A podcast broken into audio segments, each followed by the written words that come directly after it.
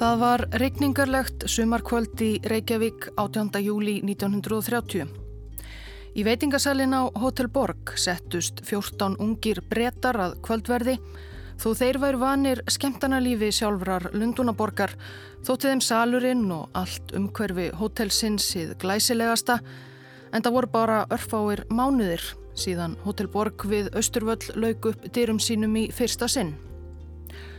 Kvöldverðurinn var bretunum kerkominn og einnig mjúk rúminn á herbergjum þeirra og hreinlætis aðstæðan því bretarnir hafðu ekki baðað sig alminnilega svo dögum skipti og myndu ekki fá annað tækifæri til að njóta slíks munaðar lengi, vissu þeir.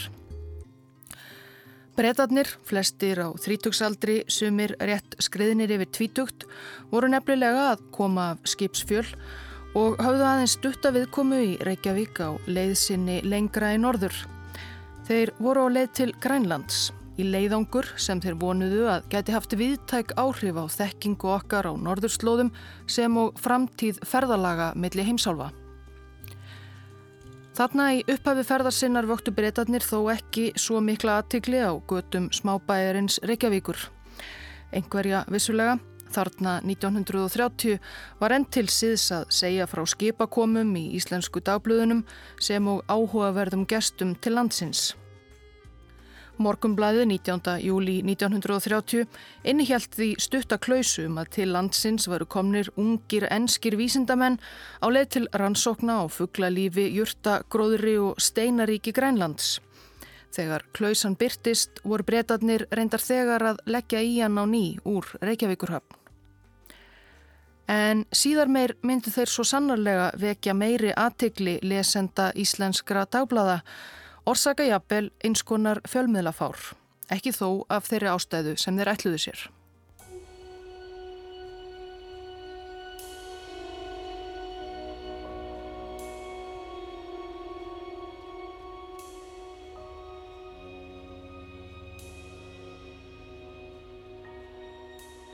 Þar sem hann hýrðist í tjaldi í kulda og trekki einhver staðar í óbyggðum kanadíska Labrador fekk Gino Watkins hugmyndina að næsta leiðangri sínum á enn torfærari stað og harðbíli sjálfan Grænlandsjökul. Gino Watkins var bara 18 ára þegar hann ákvaða verða landkunnuður. Það var árið 1925. Gino, sem í raun hétt Henry George Watkins en ættið kallaður Gino, var þá nýnemi í hennum virta Cambridge háskóla en mikill námshestur var hann ekki. Það sem helst vakti aðtegli hans í náminu voru grípandi frásagnir kennara sem ferðast höfðu um heimskautaslóðir til norðurs og söðurs og jáfnvel þá í för með þekktustu hetju könnuðum breyta, mönnum eins og Scott og Shackleton. Ég held bara að ég ætti líka að fara á norðurslóðir. Eitthvað þvíumlíkt sagði Gino við forviða skólafélaga sinn eftir einn slíkan fyrirlestur og hann held sig við þetta. Svo vildi til að einn kennari við Cambridge var þá einmitt að skipurækja leiðangur á norður heimskautsvæðið.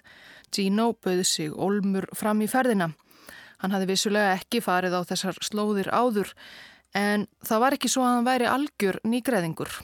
Hann var jú líkamlega hraustur, reyndur utanvegar hlaupari og klifrari og hafi varið mörgum sumrum í fjöllum Sviss og Östuríkis með fjölskyldu sinni á skýðum og skotveiðum og hann var að læra að fljúa. En kennarin var vist búin að manna alla posta í leiðongri sínum og leist kannski ekkert á þennan 18 ára gutta. En Gino Watkins gafst ekki upp og ákvað bara að skipuleggja sinn eigin leiðangur eitt hvert norður. Í júli 1927 laði hann af stað með átta mönnum öðrum, flest öllum ungum skólafélögum, á norsku selveðiskipi frá Tromsö til Edge-eigu á suðaustanverðum Svalbardha. Eigasú var þá aðeins gróflega kortlögð en það fáir haft ástæðu til að leggja þonga leið sína nema stöku kval og selveðiskip. Í fjórar vikur dvöldu Gino og félagar á eiginni í stöðugum vindi og kulda við kortagerð og ími störf. Það var nokkuna burt en Gino sneri heim reynslunir ríkari og þess fullvis að honum væri ætlað að verða heimskautafari. Sumarið 1928 fór Gino svo með vini sínum og skólafélaga James Scott til Labrador, landsvæðisins norður af Nýfundnalandi í norður Kanada. Þar ferðuðist þeir félagar tveirum á hundasliðum, skýðum og kanó í næri ár og kortlögðu þar lít þekkt landsvæði og árfarvegi. Labrador dvölin var ungu englendingunum tveimur erfið áskorun á marganhátt en gekk þó svo vel að það var kvöld eitt í tjaldi þeirra á Labrador sem Gino fór að segja skott vini sínum frá hugmyndsinni um næsta leiðangur.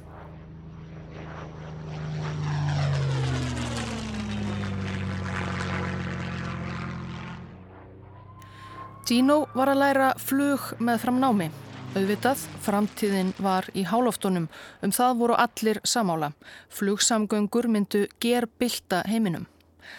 Þarna voru bara örf á ár frá sögulegu flugi Lindbergs yfir Allandshafið og enn var flug yfir hafið mikla ópraktíst. Það var svo langt að flugvilar þessa tíma gáttu varla borið nokkuð annað en eldsneitið sem þurfti til langferðarinnar og svo flugmannin sjálfan. Að fljúa með farþega þvert yfir hafið frá Evrópu til Ameríku eða öfugt virtist enn óhugsandi. Það var enn á sérsviði farþegaskipa og stökuloftskipa sem lölluðu milli heimsálfana. En ef hægt væri að millilenda nokkrum sinnum og skipta þannig mörg þúsund kílometra flugleið upp í nokkra nokkur hundruð kílometra leggi. Í tjaldi sínu eitt vetrarkvöldið á Labrador 1929 skrifaði Gina Watkins í dagbók sína. Það er örugt að nær allar hinnar miklu flugleiðir framtíðar liggi yfir norðurslóðir. Örugasta og fljótlegasta flugleiðin frá Englandi til Ameríku álfu er um Ísland, Grænland og Labrador. En áður en nokkum á aðhafast í því þarf að rannsaka þessa staði vísindarlega. Gino var ekki einnum þessa hugmynd. Margir hugsuðu þarna á sömu nótum, meðal annars íslenskir flugáhuga menn sem sá tækifæri í legu landsins. Allar strönduðu vangavelturnar þó á gapandi kvítri eyðu á heimskortinu, akkurat á flugleiðinni Grænlandsjökli.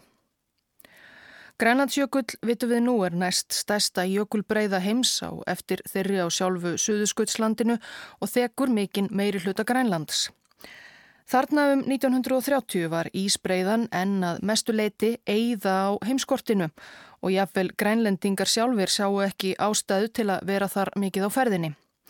Einungis örfáir einstaklingar hafðu ferðast þvert yfir Ísbreiðuna, fyrstur þeirra auðvitað norski ofurhugin Frithjóf Nansen á skýðum 1888. En til þess að flugleiðin millir Evrópu og Ameríku um norðurslóðir mætti verða að veruleika urðu menn að búa yfir miklu nákvæmari upplýsingum um grænlensku ísbreyðuna en til voru. Hvort yfirleitt væri físilegt og örugt að fljúa beint yfir jökulinn. Hvernig voru veður og vindar yfir ísbreyðunni? Voru einhver háfjöll í veginum sem ekki var vitað um og svo framvegis. Það var þetta sem Gino Watkins einsætti sér að koma stað.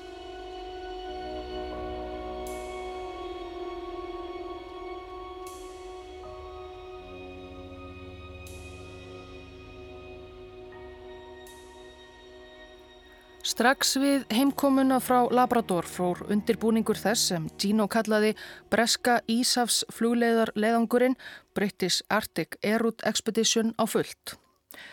Vinirnir, Gino og Scott, báður 22 ára gamlir, fengu leikt herbergi í húsakinnum Breska landfræðifélagsins og lögðu drögað metnaðar fullu verkefni að setja upp veður aðtugunar stöð lengst úti á grænlensku ísbreyðunni. Þar myndu þeir gera reglulegar aðtuganir á loftslægi og veðurfari yfir heilan vetur. Þá ætluðu þeir sér og að fljúa yfir jökulinn í tilraunaskinni og meðfram austurströnd Grænlands sem enn hafi ekki verið sómasamlega kortlögð.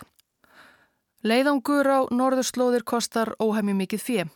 Gino þurfti að útvega skip til ferðarinnar frá Englandi til Grænlands, flugvelar, veður, aðtugunartæki og tól, allan nöðsynlegan útbúnað annan fyrir leiðangursmenn og vistir til vetrar dvalar á jöklinum og svo framvegis og svo framvegis. Gino sjálfur hafði ekki digra sjóði að seilast í. Fjölskylda hans tilheyrði vissulega efri lægi bresks samfélags og hafði tengslinn í aðalinn og brest stjórnkerfi.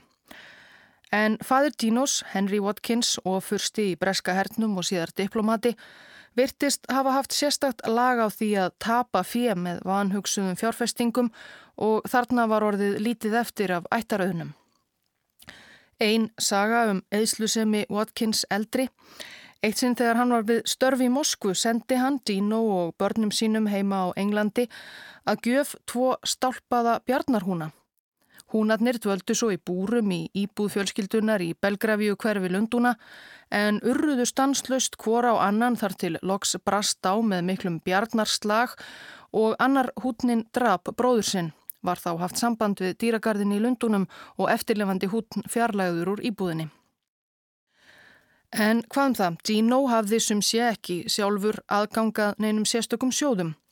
Konunglega landfræðifélagið hafði síðanum fyrir herbergi til skipulagningar en félagið styrti aldrei leiðangra sem þessa með beinum fjárframlögum. Dino var því að sækja styrki annað. Á meðan Dino var skott lögðu á ráðin og sníktu fjö völdu þeir einning í raðir leiðangursmanna. Ólíkt fer þeir að tvekja til Labrador ætluðu þeir að hafa flokk manna með sér til Grænlands. Þeir Gino og Scott réðu svo aðalega menn á svipuður eki og þeir sjálfur gerðnan einnig úr Cambridge. Þetta voru ungir menn sem sjálfnastuðu mikla reynslu af ferðalögum á heimskautarslóðum en einhverja þekkingu á vísindum sumir og brennandi áhuga á að breyta til og sanna sig. Ekki voru þó allir alveg reynslulöysir. Eitt þeirra sem snemma gekk til liðs við leðangurinn hétt Augustín Kortold og var 26 ára árið 1930. Þeir Gino hafðu eitthvað verið samtíða í Cambridge en þó ekki þekst sérstaklega. Að loknu námi hafði Kortold hafið störf sem verðbreyfasali en honum döðleitist í vinnunni, þráði ævintýri og áskorun og bauði sig því fram í leðangurinn. Hann var ráðinn á staðnum Augustín var ævintýragjart og hafði ólíkt öllum öðrum leiðangursmönnum áður ferðast til Grænlands. Hann kunni líka á flugvél sem voru næg meðmæli. En ekki sagaði heldur að hann var af vell auðugu fólki komin.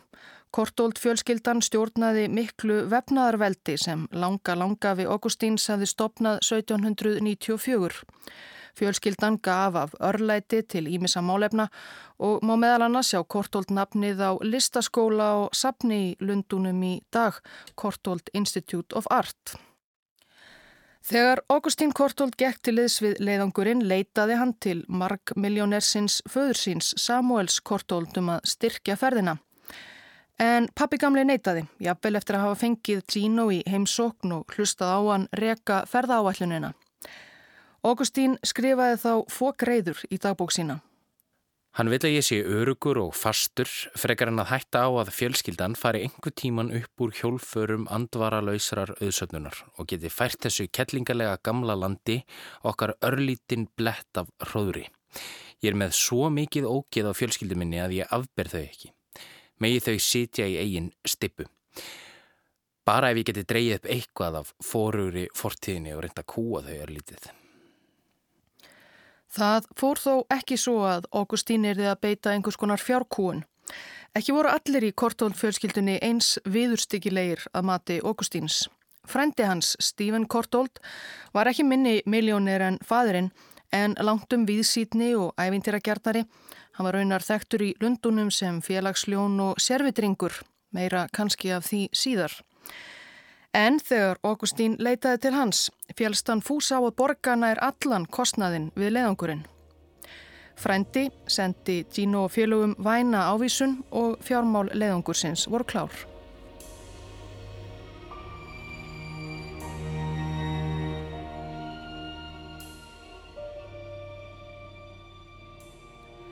Gino Watkins og James Scott voru að sönnu áhuga mennum sögu heimskautakonnunar og öpuðu ímis triks í undirbúningnum eftir kunnum hetjum heimskautana eins og að sofa ættíð við opin glukka til að venjast kulda sem Róald Amundsen mun hafa gert til að búa sig undir sínar heimskautaferðir.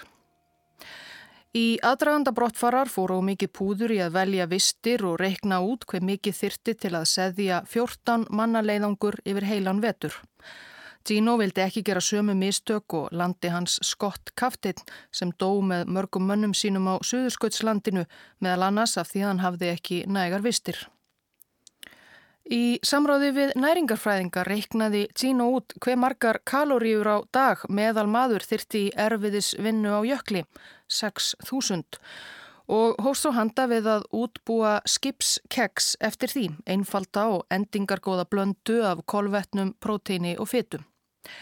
Fytan varð ansi stór hluti af keksinu sem Gino bjóð til og það var eftir því nokkuð ólistugt, raunar svo mjög að margir efuðu stummað ungir, enskir, miðstjættar menn, nokkuð góðu vanir, myndu yfirleitt geta haldið blöndunni niðri. Gino og Scott einsettu sér þá að prófa það bara. Í nokkrar vikur borðuðu þeir ekkert annað en sitt eigið heimagerða skipskeks heima í Lundunum sem sagt og kvikuðu þeir aldrei frá keksinu.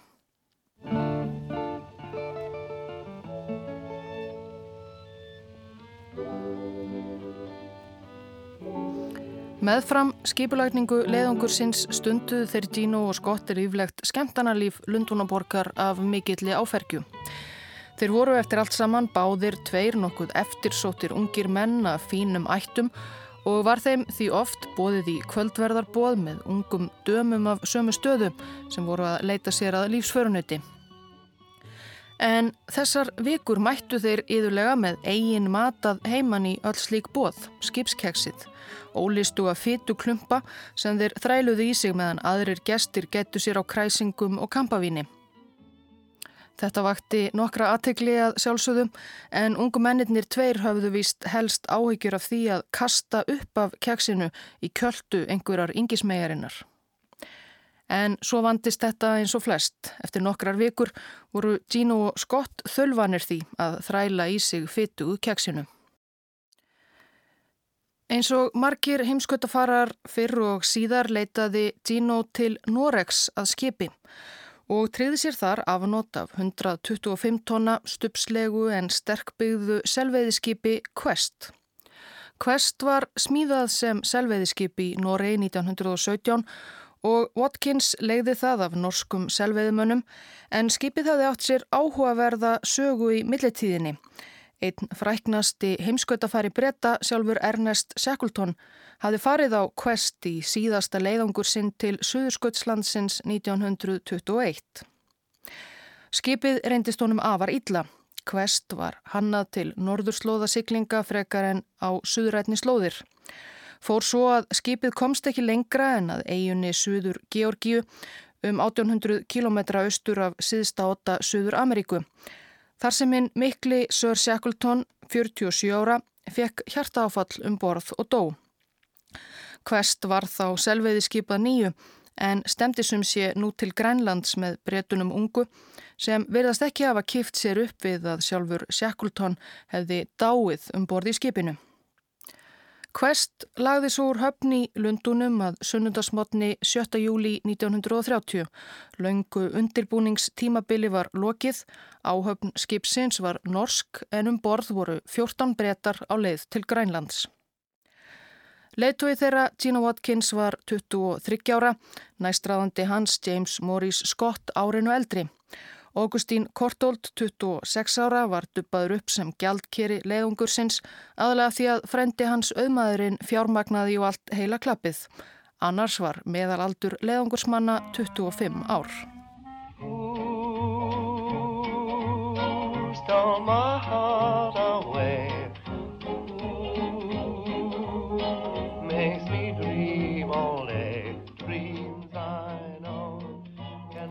Talandi um auðmannin. Fyrir brottfur frá Englandi hjælt frændin sem hjælt um pingjuna Stephen Kortold leiðangursmönnunum ungu miðdegisveislu um borði snekkjusinni við Bakka Thames. Stephen Kortold lifði á fjölskyldu auðnum og korki hann að kona hans Virginia unnu nokkuð. Þeirra helsta yðja var emitt að stunda og halda veislur með öðru fyrirfólki Lundunaborgar, kveikmyndastjórnum, stjórnmálamönnum og aðleinum sjálfum. Þeim hjónum hafi heldur ekki orðið barna auðið en árið 1923 hafðu þau keift í gæludýradeild magasín verslunarinnar Rómuðu Harrods þar sem þá eru seld ímis framandi dýr, lemur sem þau kölluðu Mahjong. Lemúrar, prímata frændur okkar með löngu röndóttu skottin, eiga heima á eiginni Madagaskar og þykja almennt ekki henda vel sem gæludýr. Engu að síður ólu kortóld hjónin Masjóng upp nánast sem barn sitt og innréttuðu fyrir hann sérstakt herbergi á heimili sínum vekkfóðrað með frumskóarmyndum sem kannski áttu að minna Masjóng á sín náttúrulegu heimkynni. Svo mjög elskuðu kortóld hjónin sinn lemur að hann situr á milli þeirra á portréttmálverki sem þau letu eitt sinn mála af sér. Þrátt fyrir þennan munað allan var Masjóng viðskotaýtlur við flesta aðra en mömmu og pappa. Vond orð fór almennt af lemurnum meðal fína fólksinn sem vandi komur sínar í veistlur hjónana en það átti hann það til að býta gesti af minsta tilefni. Og það var einmitt það sem gerðist í miðdegisveislunni um borði snekju kortóld hjónana til heiðurs Grænlandsförum 1930. Lemúrin Masjóng veittist að einum leðangursmanna, loftskeitamanninum Percy Lemon sem var elstur í ferðinni 32 ára. Lemúrin að sögn vitna sturdlaður að sjá, stökk á loftskeitamannin, læsti skoltinum í handlegin á honum og beitan á slagæð. Sem betur fer var læknir leiðangur sinn sem borði í snekkjunni og tókst honum að stöðva blæðinguna áður en of ítla fór. Og þá gatt selviði skipið Quest loks lagt af stað til Grænlands.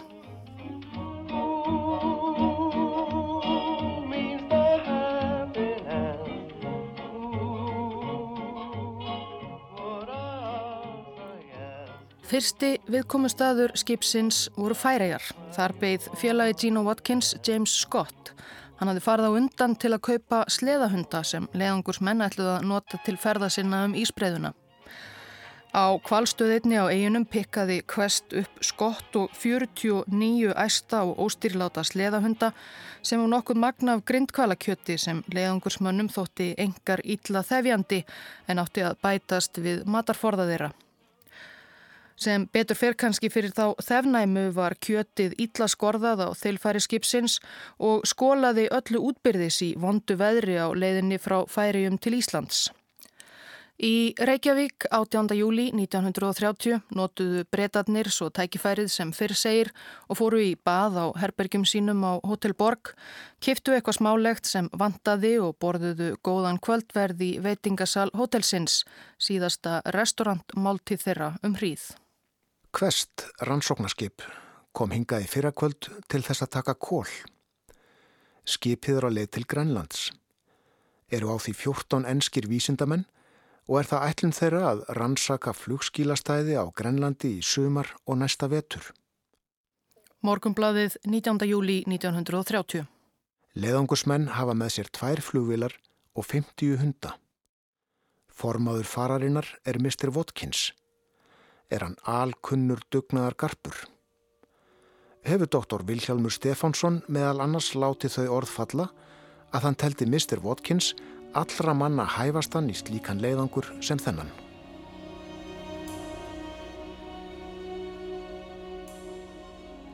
Þriðja júli var Quest komið til Amasalik á austurströnd Grænlands, bæjarinn sem nú kallast Tasilak.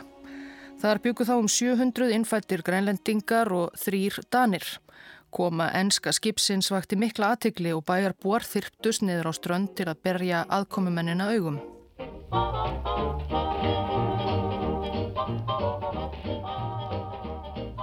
Ungu englendingarnir kunnu aðtiklinni ekki ídla, sérstaklega ekki innfættra kvenna. Dino sótti grammofónu og nokkrar plötur og sló upp litlu balli við ströndina. Dundrandi stuð. En Amasalik var ekki loka áfangastæður englendingana. Eftir stuttavið komu í bænum og ágætis ball sildi Kvest svo áfram með austurströnd Grænlands um 50 kilometra í auðan fjörð sem leit út fyrir að bjóða upp á nokkuð greiða leið upp á sjálfa ísbreiðuna sem beð þeirra. Þar gerðu breytar bækistöðar sínar. Grænland, eins og við upplöfum það þarna, var land hrjóstrúra fjalla sem steiftust niður í sjóin þar sem flutu ísjakar. Hér og þar voru litlir frjósamir dalir, stöðuvötn umkringt fífugrösum og sóleum en millifjallana var jökullin. eins og frostnir lækir sem að runnu úr miklum snjóbyrðum sem orðnar voru að ís.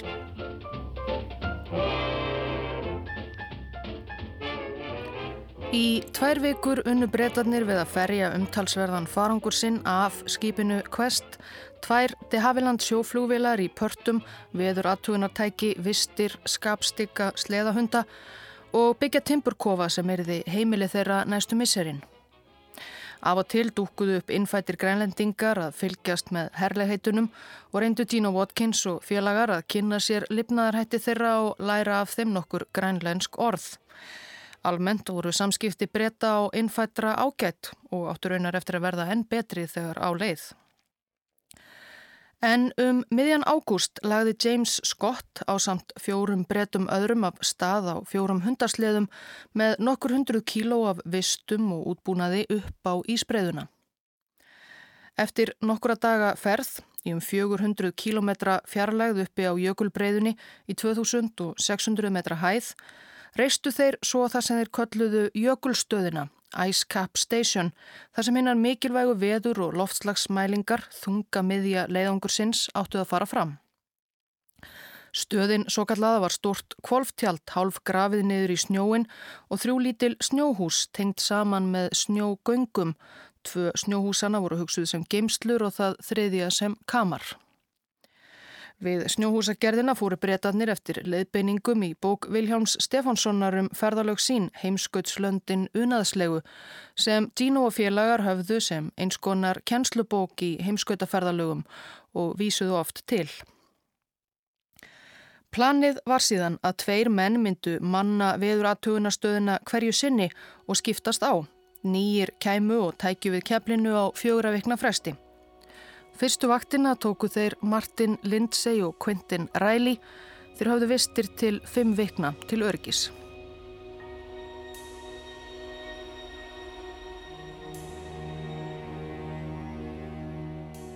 Niðri við ströndina heldu hinnir breytarnir áfram ímiskonar starfi.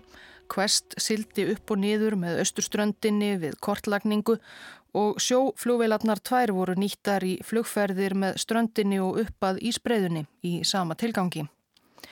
Í einni slíkri ferð flög Gina Watkins fram á mikinn fjallgarð sem ekki var að finna á neinum kortum. Reyndust þetta vera hæstu fjöll Grænlands. Watkins nefndi þau til bráðabyrða einfallega nýju fjöllin en þegar yfirvöldi í Kaupmannahöfn fóru yfir uppgötunina var ákveðið að nefna þau reynlega eftir þeim sem fann Watkins fjöll er nafnið sem þessi tignarlegu snæfi þóttu fjöll bera enn í dag. Og er það ekki eina örnefnið á Grænlandi sem rekja má til bresku leðungusmannana ungu.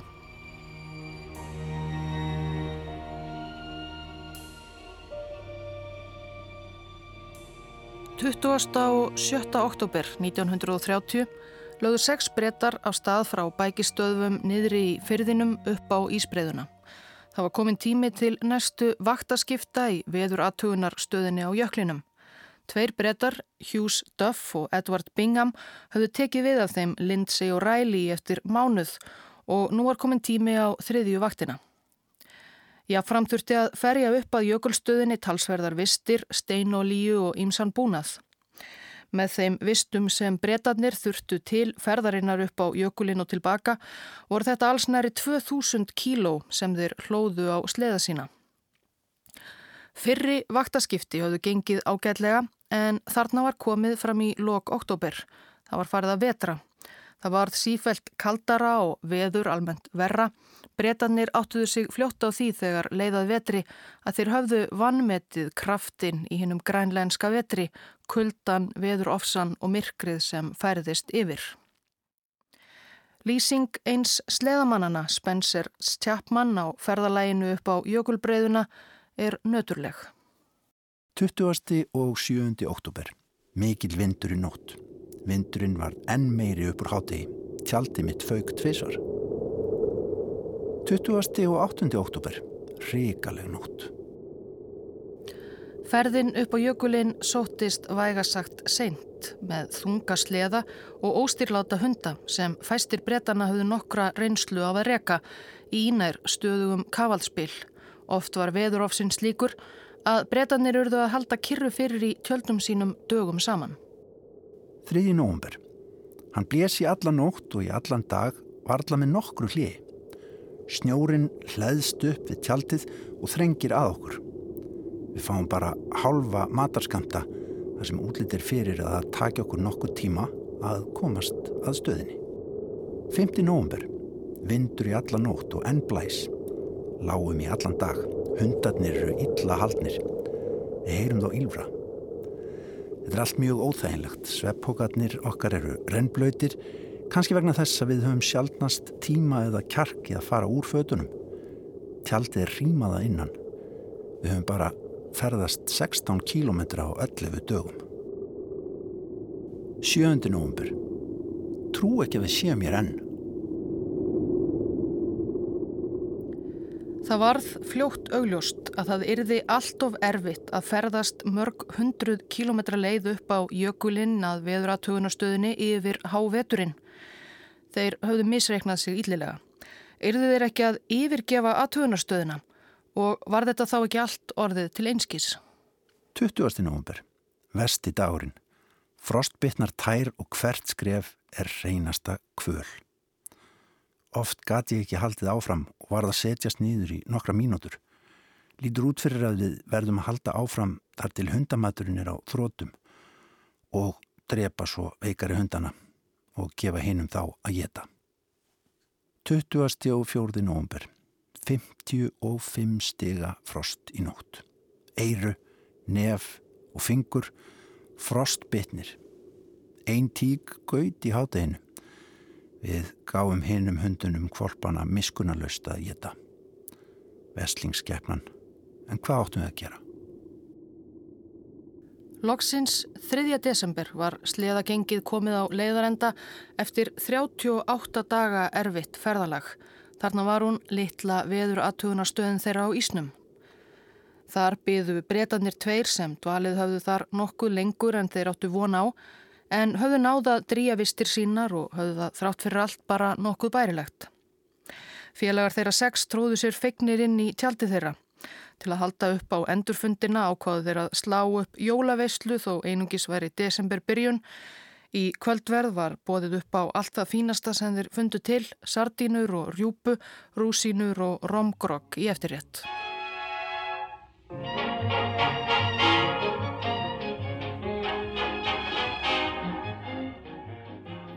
Ánæguleg kvöldstund en næstu skref voru enn óráðinn.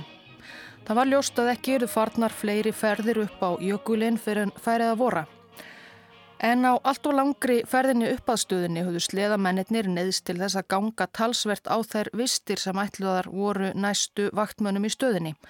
Það var ekki nóg eftir til að endast tveimur vaktmönnum fram á vorið og þeir tveir brettar sem höfðu átt að taka við kepplinu og manna stöðina voru þreyttir og bugaðir eftir ömurlegt ferðalagið og hugnaðist ekki að verða skildir eftir í köldu tjaldinu upp á jökli með vistir sem myndu ekki næja þeim nema einhverjar vikur.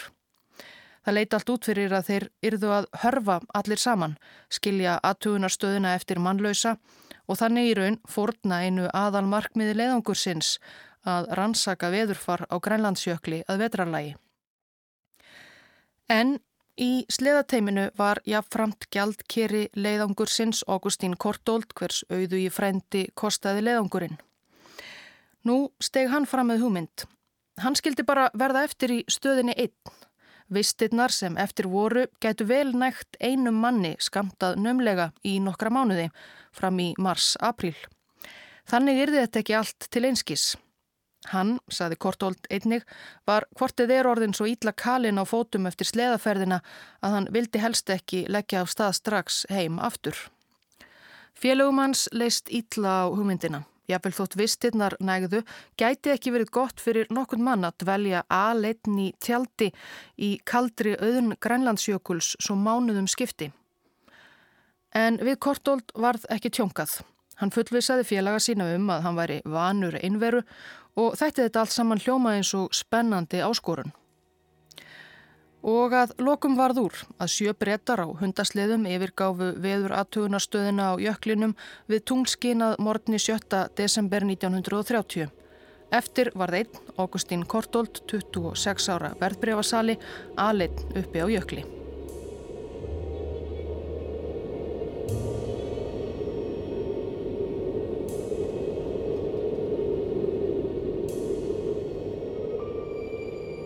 Fyrstu vikunar hafði ég nóg að gera. Fötin mín og söpbogan var ég að þurka á hverjum degi og svo sexinum á dag fór ég í allan gallan og skundað af stað út að lesa á mælitækin og gá til veðurs.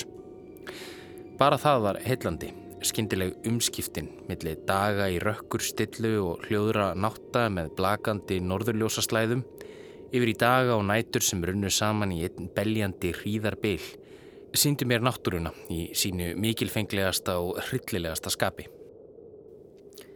Úr frásögn Kortólds af vistsinni í veðuratúðunastöðinni á Grænlandsjökli í desember 1930.